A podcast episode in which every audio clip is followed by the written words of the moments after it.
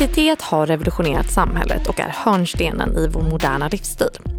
De flesta vet att el genereras på många olika sätt och för att sedan föras över via elnätet till konsumenterna. Det låter enkelt, men det är en komplicerad process som kräver många olika typer av komponenter och aktiv styrning för att allt ska gå rätt till. I takt med att vi ökar elektrifieringsgraden i samhället så tillkommer nya typer av laster som förändrar förbrukningsmönster och effektbehov. Det kan till exempel handla om elbilar eller tillverkning av koldioxidfritt stål med vätgas. Samtidigt så ökar vi andelen fossilfri kraftgenerering, vilket också innebär att vi får en annan kraftkaraktär som ofta är svårare att styra och planera, även på produktionssidan. Den komplexa situationen innebär även att det blir svårare att hålla en hög kvalitet på elektriciteten i nätet. Men vad innebär egentligen elkvalitet? Varför är det viktigt och vad kan man göra för att säkerställa den? Detta ska vi prata om i dagens avsnitt och vi har nöjet att gästas av Anna Svensson, Senior Vice President Power Quality här på Hitachi ABB Power Grids. Kraftsamtal, podden som ger dig kunskap och inblick i tekniken som behövs för att möta en av vår tids största utmaningar, den gröna energiomställningen.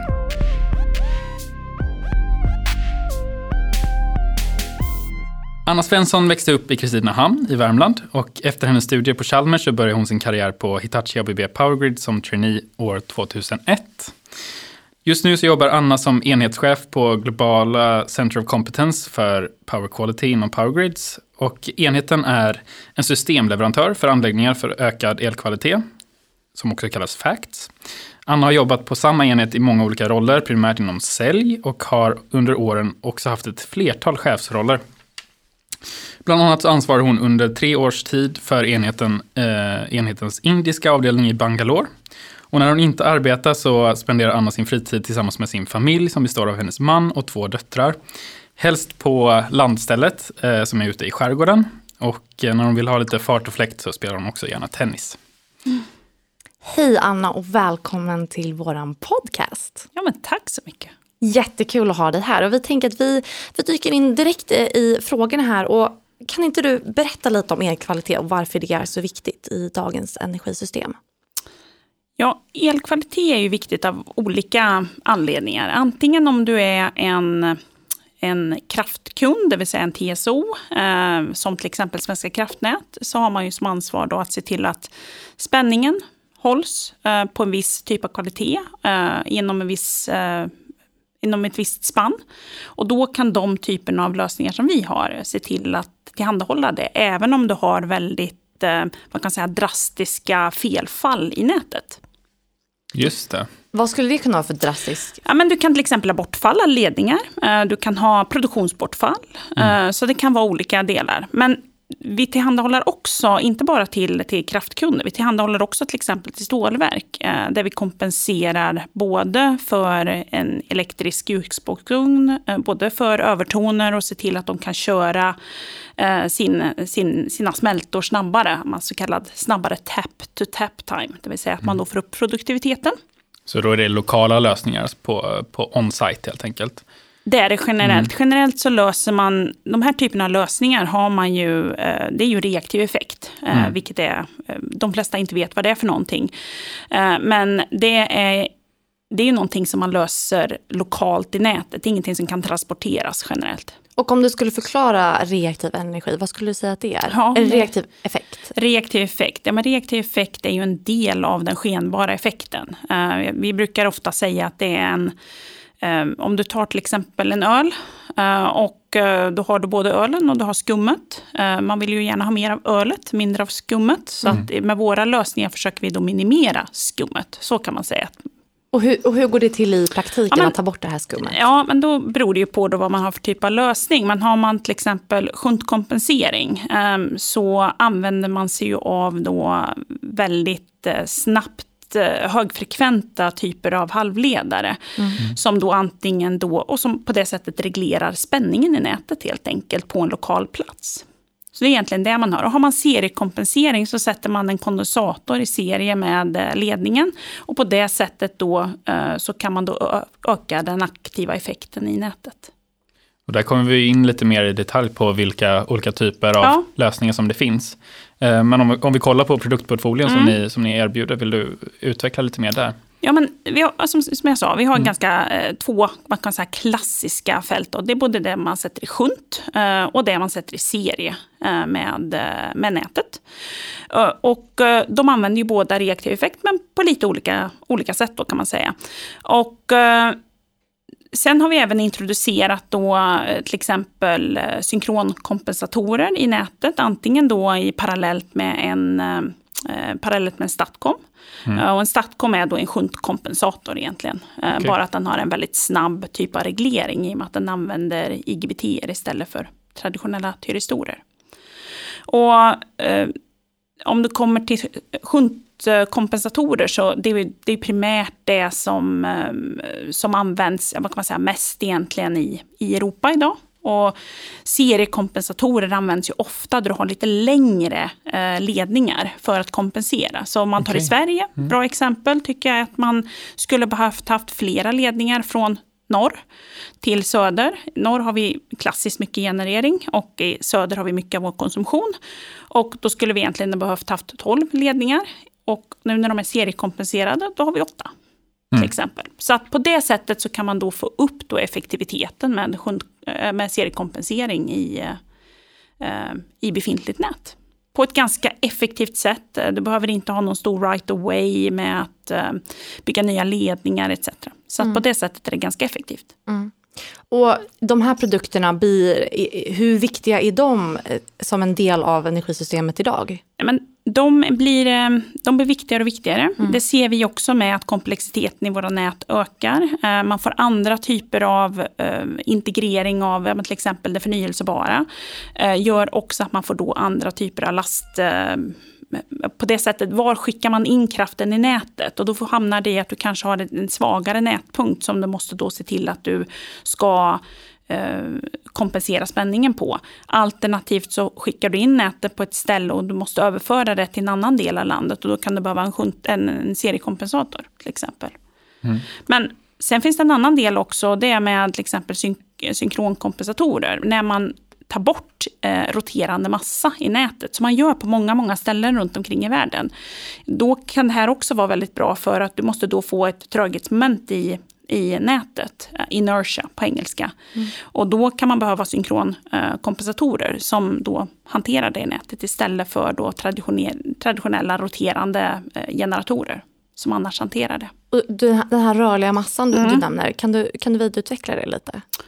Ja, får se om jag kan det så mycket om jag ska vara helt ärlig. Men det handlar ju om egentligen, det är ju ett, ett, ett mekaniskt moment mm. kan man säga. Mm. I, eh, det är ju det det handlar om. Och eh, det har du ju i traditionella generatorer. Okay. Mm. Eh, men på vissa delar då man tar bort viss typ av generatortyp och ersätter det med annat, då förlorar man en del av det. Och då får du problem med tröghetsmomentet i nätet och du kan också få problem med att hålla uppe kortslutningseffekten mm. i delar av nätet. Och då kan du få en del problem med ja, men hur ska du kunna koppla in viss typ av last och, och andra typer av eh, komponenter i nätet som transformatorer som ofta det kan vara svårt att koppla in om du har för låg kortslutningseffekt. Just det, och, och, och lastsidan är ganska viktig där också, Absolut, och den blir ju mer distribuerad också mm. nu. När vi ser det att det inte handlar, ba, handlar inte bara om eh, stora industrier i, i, på specifika ställen, utan nu kommer ju lasten vara väldigt distribuerad. Mm, mm. Och då kommer det också ställa ett högre krav, utifrån mitt perspektiv i alla fall, på, på elnätet. Absolut, så, och, och, mm, tidigare så har jag varit lite involverad mm. i alla mm. fall i och, eh, frågan om elmotorer i mm. industrin. Mm. Så där så pratade vi mycket om eh, reaktiv effekt mm. och vikten av att dimensionera rätt med motorer. Och eh, hur vi faktiskt eh, står inför en, eller vi har ett väldigt stort behov av att, eh, att uppdatera flottan ute i industrin. Eh, så, så där så kommer vi antagligen också se väldigt stora förändringar. Absolut. Nej, men absolut. Jag tror att det kommer att ske eh, både om man säger en energieffektivitet ute i samhället, om man tittar på industrin till exempel. Det, det är ju av industrins, ur industrins intresse också utifrån att också bli effektivare och, och även för allmänheten också att vi nyttjar våra resurser på bästa sätt. Mm. Och sen blir det väl eh, andra nya typer av laster som eh, elbilsladdning? Absolut, det kommer bli mm. intressant tror jag vad det kommer innebära med, med, för vårt elnät. Jag tror att många TSO de sitter med väldigt många olika typer av, eh, av eh, scenarion på hur elektrifieringen som sådan ska liksom tas hand om. Mm. Både på den industriella sidan eh, men även om man tittar på liksom privatkonsumtionen. Mm, mm. Och, att, du nämnde TSO, så, för, ja, så lyssnarna förstår. Så att det... Ja, Transmission System Operator. Det är Precis. de som opererar ofta stamnätet i de flesta länder. Det kan vara i Sverige, Svenska kraftnät, i i Norge, Statnät till mm. exempel. Det är mm. de som kontrollerar stamnätet. Mm. Och du pratar om just hur att eh, faktiskt se över sin el, eh, elkvalitet faktiskt kan göra då hela verksamheten mer effektiv. Mm. Eh, hur ser det ut rent, eh, alltså hur ser affärsmodellen ut? Sparar man pengar på att göra de här typen av sats, satsningarna också? Ja, absolut. Eh, det gör man. Eh, och om du tittar på till exempel en shuntkompensator till en uh, industri så kan du spara väldigt mycket pengar. Den kan ha en return of investment på fyra år. På, eller på mindre än fyra år till och med. Ja. Och vi har haft fall upp till LKAB i Sverige där vi har levererat de här typerna av lösningar där man har haft en return of investment inom ett år. Eh, Oj. Så att det mm. finns enorma business case för det inom industrin. Mm. Eh, och det handlar ju framför allt för att de då ska kunna då, ja, men, många fall då kunna smälta mer stål snabbare. Mm. Men om du tittar för en kraftkund då, så är ju en seriekompensator definitivt där, för då kan man överföra mer, eh, mer kraft på en existerande ledning. Mm. Så det är ju definitivt ett sparmedel och framför allt då kanske att man inte behöver göra andra typer av investeringar som är ganska stora och besvärliga. Till exempel att man ska bygga nya ledningar. Mm. Och en sjundkompensator i ett kraftsystem ska man också mer se kanske med en försäkring. Den, mm. den gör generellt inte så mycket i normala fall, utan den är där när du har ett problem. Mm. Och då måste den operera. Då mm. måste den funka, så att den funkar som en försäkring. Och man kan ju tänka sig då om man skulle ha eh, ett stort eh, spänningsbortfall, en så kallad blackout eh, i Sverige. Det skulle ju få förödande konsekvenser. Mm.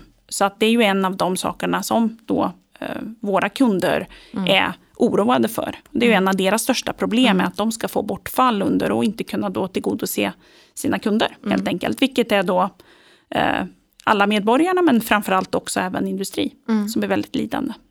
Och, och, jag tänker på det bara när, när vi säger att det här är ändå komponenter som man då kan sätta in för att göra hela elsystem, elnätet egentligen mer effektivt. Mm. Hur, hur skulle du säga att hur mår elnätet i Sverige idag? generellt sett? Ja, men det är nog under eh, delvis press skulle jag säga. Eh, man eh, har ju under ganska många år inte gjort investeringar i Sverige.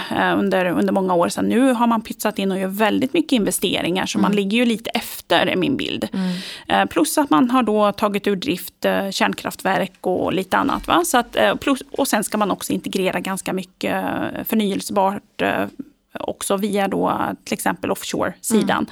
Så att eh, det, det är nog ganska pressat på sina håll. Eh, och framförallt när man har kalla dagar eller att det är väldigt, eh, ja, att man har problem att få balansen att funka så att säga.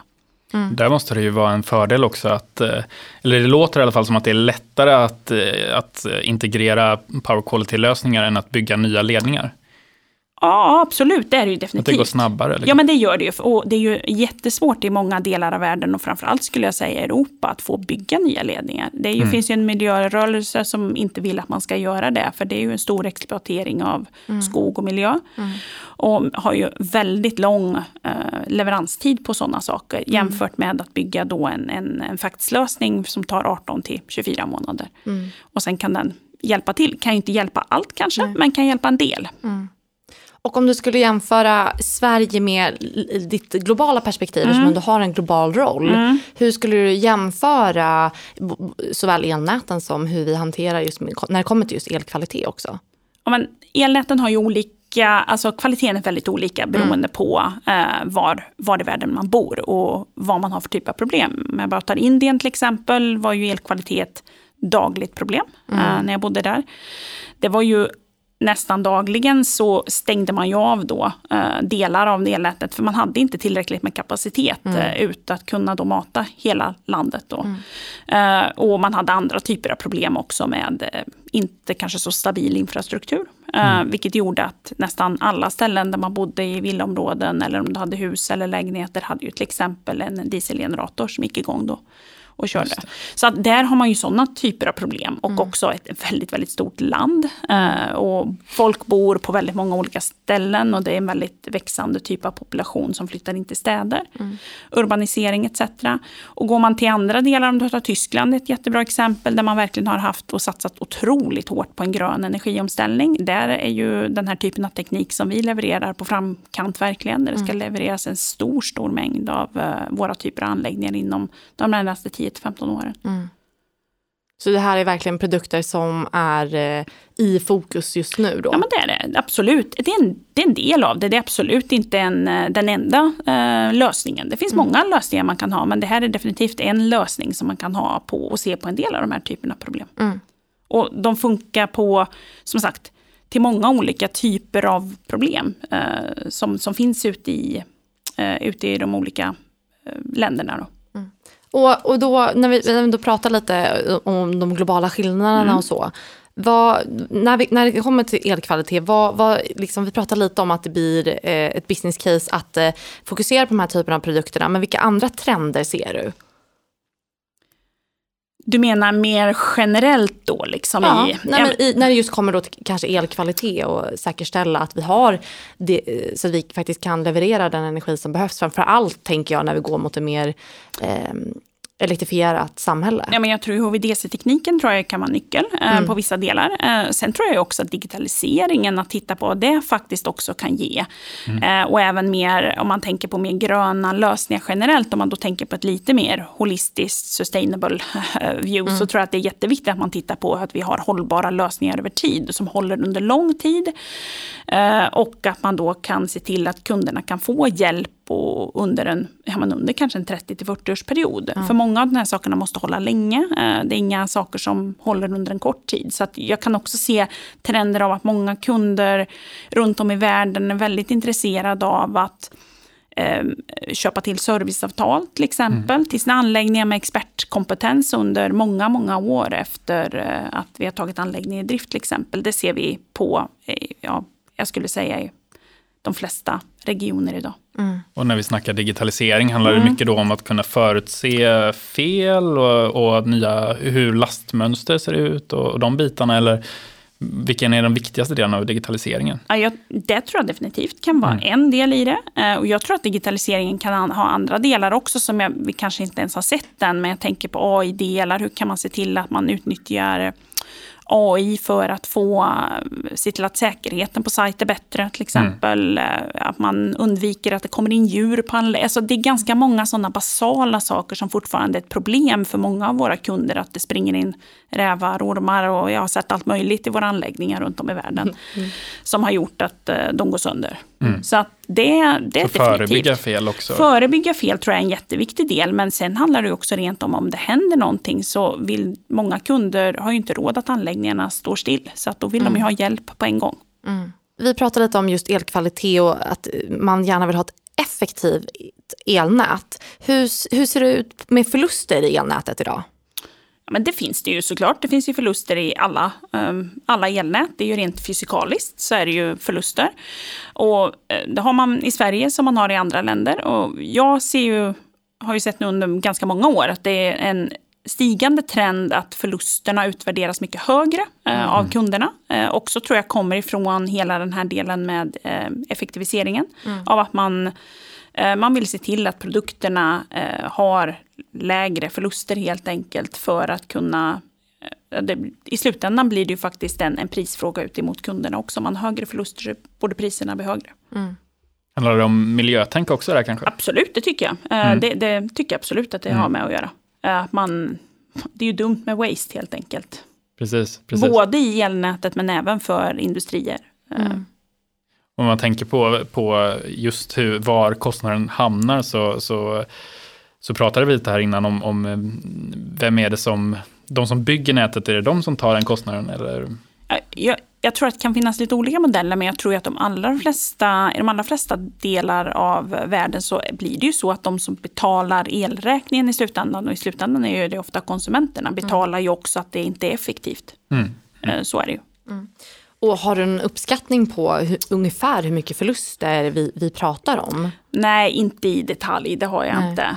Eh, men som sagt, jag kan ju se att man värderar förluster väldigt, väldigt olika runt om i mm. världen. Från ett antal eh, tusen dollar till, per eh, kilowatt till kanske 15 000 dollar per kilowatt. Mm. Så att det kan skilja väldigt, väldigt mycket. Mm. Och vi, vi, vilka är de länderna för våra, som... typer av, ja. för våra typer av anläggningar?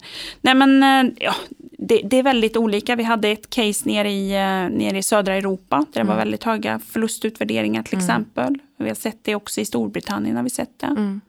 Och, och det här, den här trenden att man väljer faktiskt att eh, sätta pengar på, mm. på förlusterna på det sättet.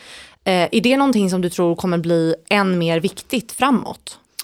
Eh, jag tror att det har alltid varit en, en viktig del, i alla fall för våran del. Jag kan inte riktigt svara, jag vet ju att man har samma, samma del när man utvärderar transformatorer till exempel. Så att jag tror att det är en viktig del för, eh, för våra kunder att titta på också förlusterna. Det är det definitivt. Mm. Så min bild är att jag, vet, jag kan inte säga om det är viktigare för våra kunder än, mm. än vad det är idag, men jag, jag, tror att det är minst lika viktigt eller viktigare. Mm i allmänhet, om, om vi, vi tänker på kunderna, mm. vad, vad, vad, är det för budskap du, du hör just nu? Hur är temperaturen hos kunderna? Vad, vad pratar de om när det gäller elkvalitet? Eh, nej men det de många pratar om, och det är väl intressant också att titta på, det är ju att det har kommit upp då andra typer av problem. Ja, men det här med tröghetsmomenten eh, mm. som eh, är bristande i vissa delar, man har problem med kortslutningseffekter.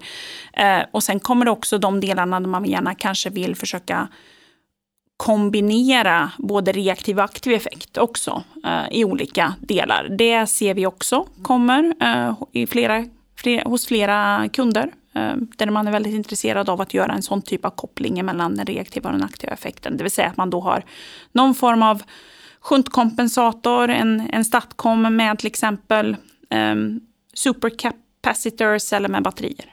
Mm. Så det är väldigt spännande. Så det tror jag är en teknik på framkant. För det, det handlar inte om att bara minimera eh, reaktiv effekt, utan man vill optimera va? Mm, ja, det handlar inte om att, att minimera den generellt, inte med en shuntkompensator, utan det handlar om att styra ut den, antingen mm. då kapacitivt eller reaktivt, så att du då kan få en sån bra liksom, eh, spänningsreglering som möjligt. Det är det man gör med den reaktiva effekten i sig, skapar bara en höjning eller en sänkning i spänningen. Men den ja. gör det väldigt snabbt då genom att du har en halvledare. Ja, och när vi pratar kunder så mm. vill vi jättegärna eh, välkomna in Daniel Gustafsson eh, från Svenska kraftnät. Ja, men så med oss har vi Daniel Gustafsson som är Senior Vice President Head of Power Systems uh, på Svenska kraftnät. Uh, hjärtligt välkommen hit, Daniel. Tack så mycket. Tack så Allt mycket. bra, eller? Mycket bra. Härligt. Vi tänkte vi hoppar rakt in i frågorna här. Så ehm, jag kör igång med, vad är din och SVKs syn på elkvalitet? För oss på SVK är elkvalitet re relativt enkelt. Det handlar mycket om att vi ska ha ett fungerande system. Eh, som på något sätt är oberoende av vilken produktionsmix vi har, eh, oberoende av hur mycket luftledning vi har, hur mycket kabel vi har, vi ska kunna ha spänningsnivåer som ligger inom rätt gränsvärden och vi ska ha minimalt med störningar. Så att det ska fungera systemet. Det är mycket det handlar om i slutändan. Det låter som att det, det är mycket fokus på resilience, hur man nu säger det på svenska. Mm. Att det ska vara stabilt och, och klara av olika eh, mm. typer av fall. Absolut. Och eh, vad, vad, har ni för utmaningar då? Du säger här att ni liksom vill bibehålla någon form av eh, att, att allting ska funka som det ska. Men vad, vad är det för utmaningar ni står inför eh, som Svenska kraftnät då och TSO eh, idag? De stora, stora utmaningarna vi har det är ju energiomställningen. Eh, mm. Vi har en vi kommer att ha en helt ny produktionsmix i framtiden. Mm. Vi kommer ha eh, stor andel eh, förnyelsebar energi, eh, väderberoende elproduktion. Mm. Eh, och det här ökar ju vikten av elkvalitet väldigt, väldigt kraftigt. Eh, och vi behöver ha ett system där det faktiskt funkar. Eh, sen kan jag också säga att vi också ser ett system som behöver vara mer anpassningsbart i framtiden. Mm. Vi, vi, vi har som sagt en energiomställning som går väldigt fort eh, och vi får in väldigt mycket stora nya förbrukare. Mm. Vi får in väldigt mycket ny produktion som kommer in på helt nya platser i systemet. Vi, får, vi har också ett ökat utbyte med el mellan länder. Mm. Och Det här gör att de flöden vi har sett i elsystemet för fem år sedan är inte överhuvudtaget samma flöden vi kommer se om fem år. Mm. Just det. Så vi behöver ha ett system som verkligen också kan dynamiskt anpassa sig. Mm. Eh, för vi hinner inte bygga i takt med att hantera flödena. Hur ser tidslinjerna ut? Oh, sorry. Nej, precis. Att hantera energiomställningen är jätteviktigt för oss. Ja. Hur ser eh, tidslinjerna så, ut lite däremellan med hur fort det förändras och hur lång tid det tar att bygga? Vi kommer ju vi kommer ju såklart behöva bygga kontinuerligt. Vi har en väldigt stor upprampning av investeringstakt eh, de kommande åren. Mm. Eh, vi går från, från 3,5 miljard per år till ungefär en takt på 10 miljarder om, år, mm. eh, om året eh, efter 2025. Mm. Eh, nej, men ut, ur ett tidsperspektiv så ser vi att eh, vi har stor andel landbaserad vind som kommer in och den är här nu. Mm. Mm. Eh, vi, vi, vi, har en tredubbling av produktionsmixen för just landbaserad eh, inom bara tio år. Mm. Eh, det är framförallt i norra Sverige. Sen ser vi också att havsbaserad vind nu kommer stort inom Sverige och inom Europa. Mm. Eh, där ser vi att eh, havsbaserad kommer bli en väldigt, väldigt viktig spelare eh, för att kunna hantera energiomställningen. Och vi kommer behöva dra igång storskaliga projekt eh, redan nu. Så det är här och nu. Eh, om 20 år kommer vi ha betydligt mindre produktion från kärnkraften. Mm. Det vet vi också. Vi har redan sett reaktorer som läggs ner som vi måste hantera. Mm. Eh, vi tror också på att solen kommer komma det här årtiondet starkt mm. eh, och, och, bli en viktig andel. Så att mycket förnybart med helt andra egenskaper eh, än den traditionella produktionen kommer göra att vi behöver ha lösningar som på något sätt stöttar upp de här egenskaperna som inte finns hos den nya produktionen. Mm. Eh, annars kommer det inte fungera. Du, du, nämnde det lite tidigare Daniel, med just det här när, när det sker sådana stora förändringar så snabbt som det ändå gör just nu när vi faktiskt går in mm. och ska elektrifiera stora delar av vårt eh, energisystem. Hur ser mm. du och eh, Svenska kraftnät på framtiden, framförallt då kopplat till elkvalitet? Dels tror vi att det är väldigt viktigt att vi får lösningar som verkligen upp, hjälper oss som TSO att uppfylla de lagkraven som finns, framförallt från Europa. Mm. Eh, framför, kopplat till nätkoderna mer specifikt. De här nätkoderna kommer få en viktigare och viktigare roll. Så att genom att ha lösningar som faktiskt hjälper oss att uppfylla nätkoderna, eh, det är väldigt viktigt för oss. Eh, vi tror också mycket på eh, en större marknadsbaserad Eh, vi tror på marknadsbaserade lösningar. Eh, dels för att balansera elsystemet som vi har väldigt mycket idag. Men även lösningar eh, för att stabilisera systemet mm. och hålla spänningarna på rätt nivå. Eller hantera en låg nivå rotationsenergi och liknande. Mm. Mm. Innebär, innebär det då att man, man tittar på modeller för hur folk ska få betalt för att, för att erbjuda flexibilitet? Eller, Absolut. Mm. Uh, vi, vi, vi ser framför oss att uh, tariffen till exempel, uh, eller hur vi ersätter producenter eller anläggningar med den här typen av tjänster. om några år så kommer vi ha helt andra betalningsmodeller. Mm. Det är jag helt övertygad om. Väl, verkligt, verkligen intressant alltså. Um, Sen skulle jag vilja flika in också mm. en annan viktig andel som till viss del kopplat till elkvalitet eh, och till viss del inte. Men det är just det här vikten av energilager. Mm. Eh, det kommer också bli eh, otroligt viktigt för att kunna hantera den här variabla produktionen. Mm. Och nu, nu, fokuserar vi mycket på produktion här i, i snacket, men, men det blir också förändringar på lastsidan va? Ja, verkligen. vi ser en stor förändring och den är här redan nu. Den, mm. den, inget, den finns och det är framförallt kopplat till att eh, tillverkningsindustrin vill ställa om mot fossilfri tillverkning. Mm. Eh, och det gör att förbrukningssidan, eller lastsidan, eh, vi tror ju på en eh, dubblerad elanvändning mm. inom 20 år eh, i våra högsta scenarion. Och eh, de här scenarierna, det är de vi, vi verkligen jobbar mot och tror att det kommer ske. Så att, förbrukningen, eh, förbrukningsökningen är, är väldigt, väldigt stor. Superspännande insikter här eh, från dig Daniel och tack för att du var med idag och eh, gav din syn och Svenska kraftnäts syn på det här när det kommer till elkvalitet. Stort tack Daniel! Tack så mycket, jättekul att få vara med. Tack! Tack!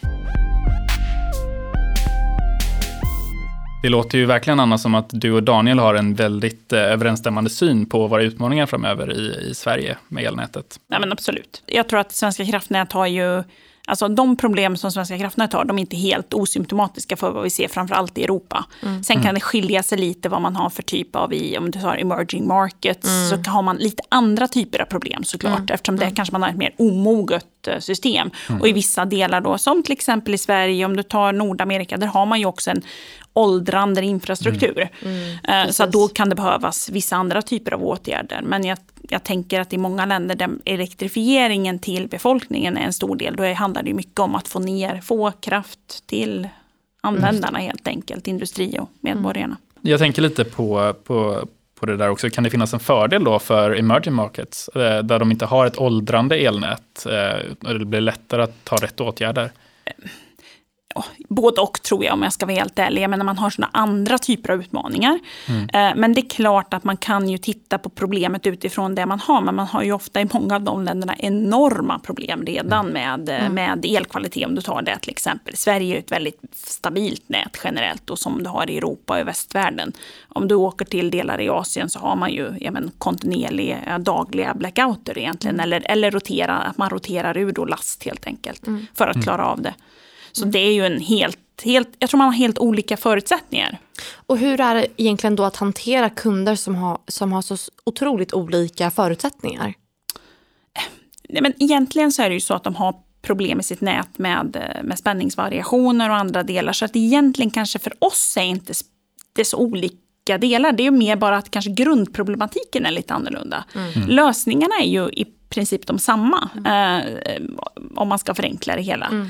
Eh, så att egentligen kan det ju bara vara att ja, man antingen har man lite större eller mindre kompensator. Man, som, eh, som Daniel sa så kan ju de så kallade nätkoden eller grid codes vara lite olika. Så det mm. kan kräva lite olika typer av både krav på modellering men olika typer av, eh, av också mjukvara. Mm. Eh, alltså olika typer av kontrollfunktionalitet. Och vill du berätta lite, vad, vad betyder det här med just grid codes? Ja, men grid code är ju en, nätkod är ju en, ett krav då som en TSO har på till exempel hur mycket får spänningen variera? Hur mycket får frekvensen variera? Hur mycket övertoner får man ha i mm. nätet till mm. exempel? Mm. Och det är också för att nu i Europa är man ihopkopplade. Så att ja. då kan man ju inte ha helt olika krav på det här. Utan då måste man ha en gemensam eh, gridcode helt enkelt. Har man det då? Eh, ja, man har ju från NSOE har man ju, man har ju försökt samla ihop det. Sen klart att det kan finnas lokala eh, avarter. Men jag tror att den är väldigt, eh, mm. den är hyfsat lika. Vi ser ganska liknande typer av krav. Mm. Från många olika delar. Sen är den olika såklart mot, eh, ja, man går till Nordamerika till exempel, är den mm. olika. En annan intressant sak som jag hörde i en, en diskussion mm. häromdagen mm. när det gäller just emerging markets, mm. det är att eh, man har större problem med service och underhåll. Ja, ja. det tror jag. Det är så? Nej, men det, det, kan jag tänka mig att man har också för att i många av de emerging markets så kan det ju vara så att eh, men om du tar Mellanöstern till exempel, det är ett mm. jättebra exempel. Där är ju service en mycket större del också om du tar till, har du all din utrustning i nöken. Ja. Det är klart att du har en mm. jättemycket Eh, mycket pro mer problematisk del där också. Jag vet att det har varit också en diskussion till exempel i Brasilien tidigare också med stora avstånd etc.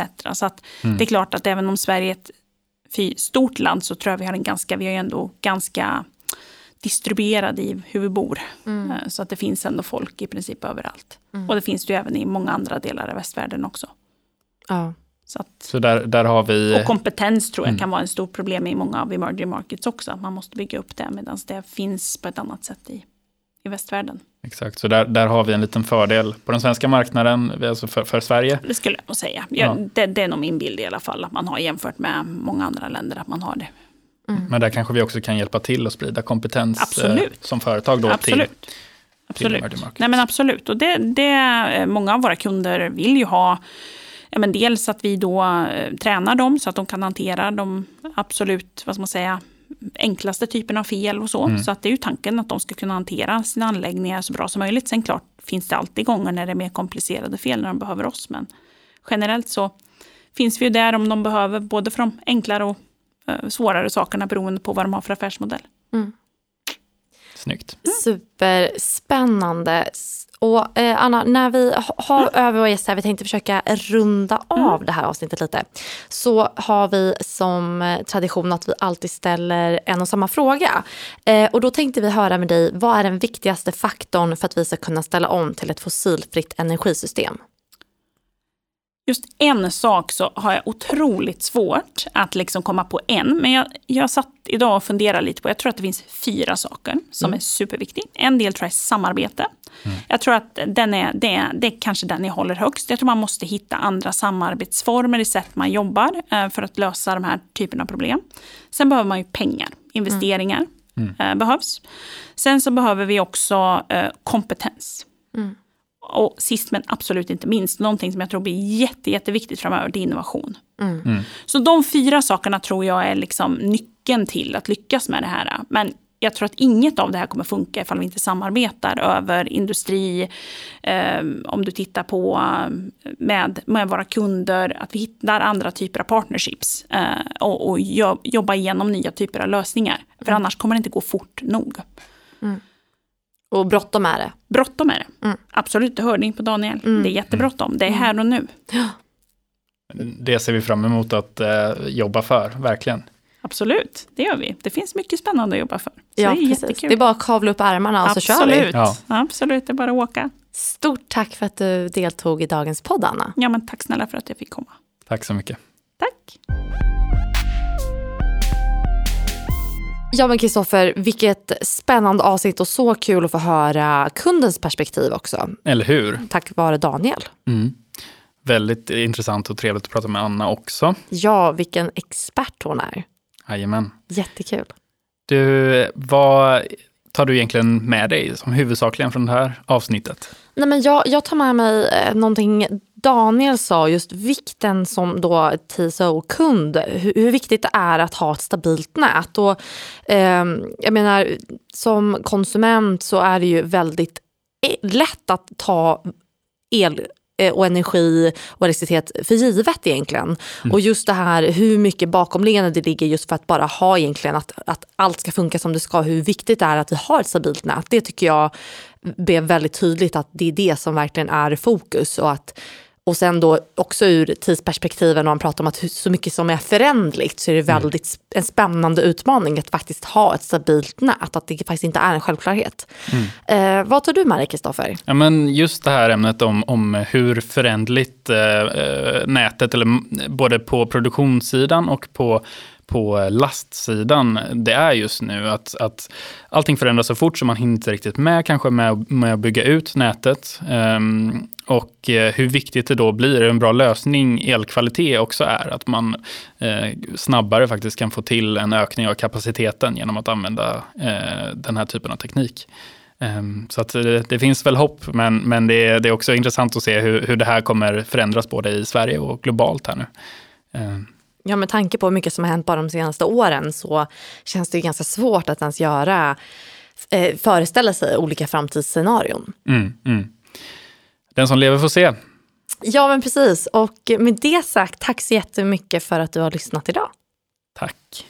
I nästa avsnitt ska vi träffa Lina Bertling Tjärnberg, forskare på KTH, som bjuder oss på framtidsspaning. Hur ska vi egentligen nå våra hållbarhetsmål och vad visar forskningen? Vi gästas även av Alireza Nami, forskningschef på Itachi ABB Power Grids som ger sin bild av hur samverkan är en av nycklarna för att nå ett hållbart energisystem och samhälle. Följ med oss in i framtiden.